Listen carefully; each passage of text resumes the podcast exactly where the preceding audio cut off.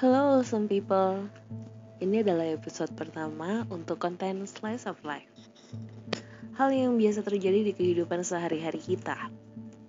Konten ini tidak bertujuan untuk mendiagnosa kondisi kamu Tapi hanya bertujuan sebagai informasi Supaya kamu tahu apa yang harus kamu lakukan untuk dirimu sendiri Atau orang di sekitarmu yang mungkin mengalami hal serupa.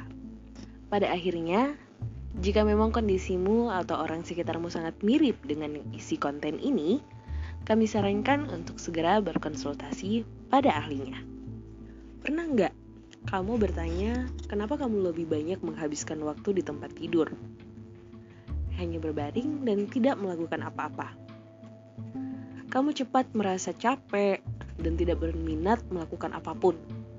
Bahkan untuk mengangkat gayung pun kamu merasa lelah. Kamu mungkin merasa ini hanya kondisi kamu lagi mager atau malas gerak. Tapi kondisi ini malah terjadi untuk waktu yang lama. Dan hampir dalam semua aspek keseharianmu, kamu menjadi tidak berminat untuk melakukan apa pun. Pernah nggak kamu merasa bingung kenapa magernya kamu sampai separah ini? Pertanyaannya, kamu sedang dilanda kemalasan atau sedang burnout? Emang apa sih bedanya malas dan burnout itu? Sebelumnya kita pahami dulu apa itu burnout. Jadi, berdasarkan pengertian dari WHO, burnout adalah suatu kondisi kelelahan fisik dan mental yang dialami seseorang akibat kehidupan profesionalnya.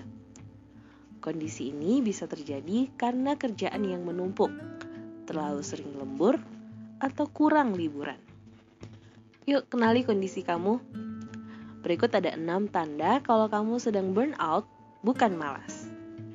Yang pertama, kamu merasa tidak lagi terhubung dengan hal-hal di sekitarmu.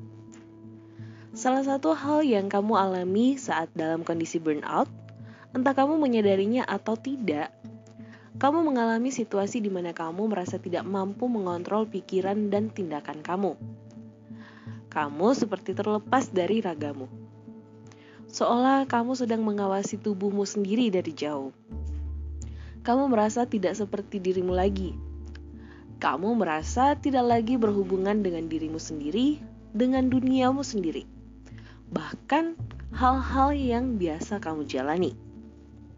Yang kedua, kamu tidak lagi memiliki motivasi.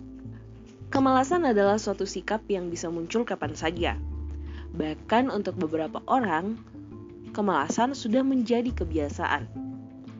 Tapi kalau kamu dulunya adalah orang yang sangat termotivasi, memiliki target tertentu saat kamu telah mengerjakan beberapa hal, lalu kamu tiba-tiba merasa mudah lelah, tidak bersemangat dan tidak termotivasi untuk mengerjakan hal yang kamu sukai, maka kemungkinan kamu sedang bergumul dengan kondisi burnout, bukan malas.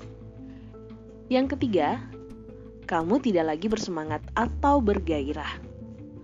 Perbedaan malas dan burnout adalah cara pandang terhadap hal yang disukai atau digemari.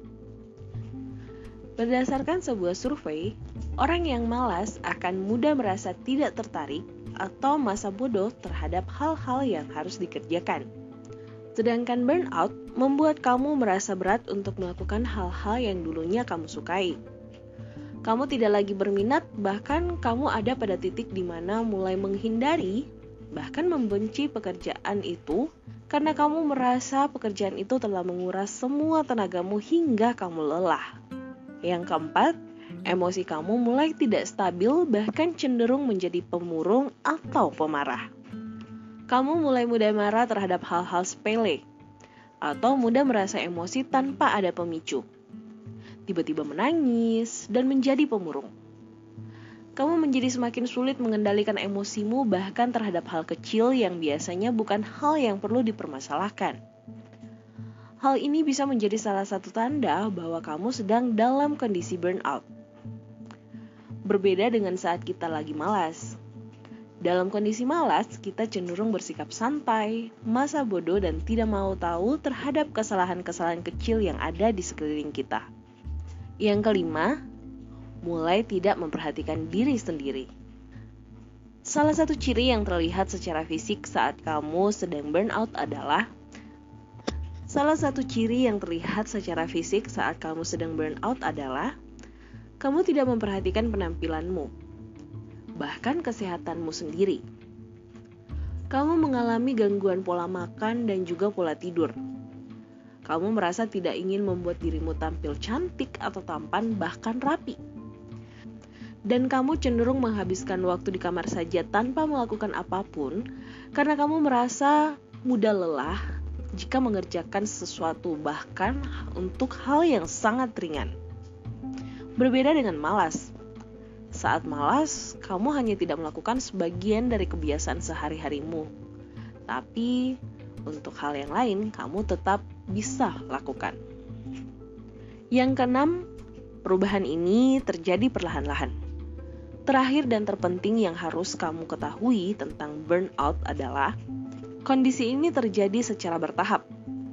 Jadi poin-poin sebelumnya tentang kamu merasa tidak bisa mengontrol diri, kamu kehilangan motivasi, tidak bersemangat, kamu menjadi seorang yang cenderung pemarah atau pemurung, bahkan kamu mulai tidak memperhatikan kondisi fisikmu, semua ini tidak terjadi langsung dalam satu malam saja, melainkan semuanya itu bertahap. Well, berdasarkan studi dari Winona State University, ada lima tahapan burnout yang perlu kamu ketahui. Apa saja itu? Well, ini dia. Yang pertama itu adalah honeymoon phase.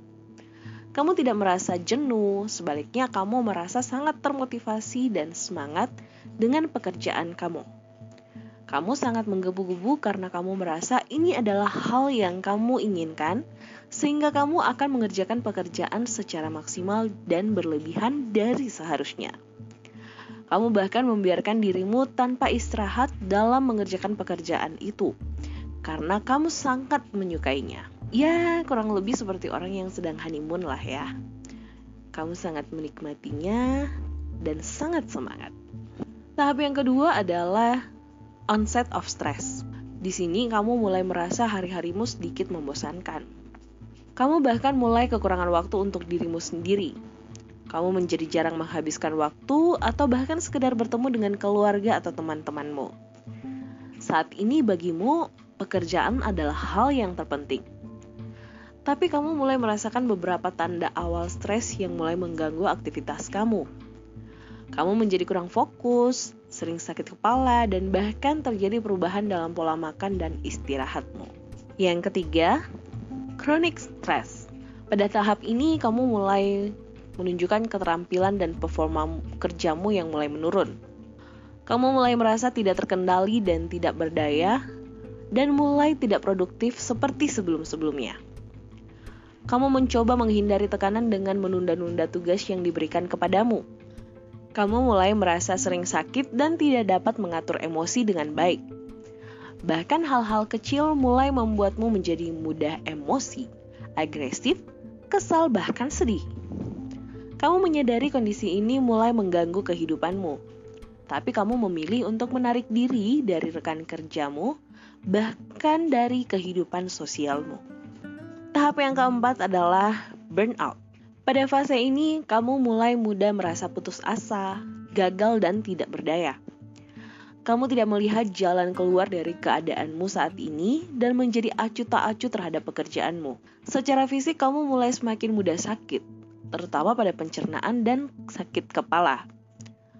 Sangat mudah merasa lelah bahkan untuk bergerak.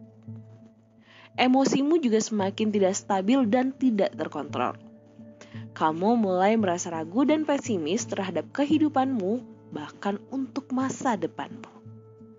Fase yang kelima, habitual burnout. Ini adalah tahap di mana burnout mulai melekat pada dirimu, di mana kondisi fisik dan mentalmu tidak mengalami perubahan yang lebih baik, melainkan semakin intens dan sulit untuk diatasi. Kondisi ini membuat kamu semakin rentan mengalami depresi. Jadi, burnout itu tidak langsung datang begitu saja saat kamu langsung hilang minat ya. Kamu mungkin melihatnya sebagai suatu fase seperti roda yang berputar.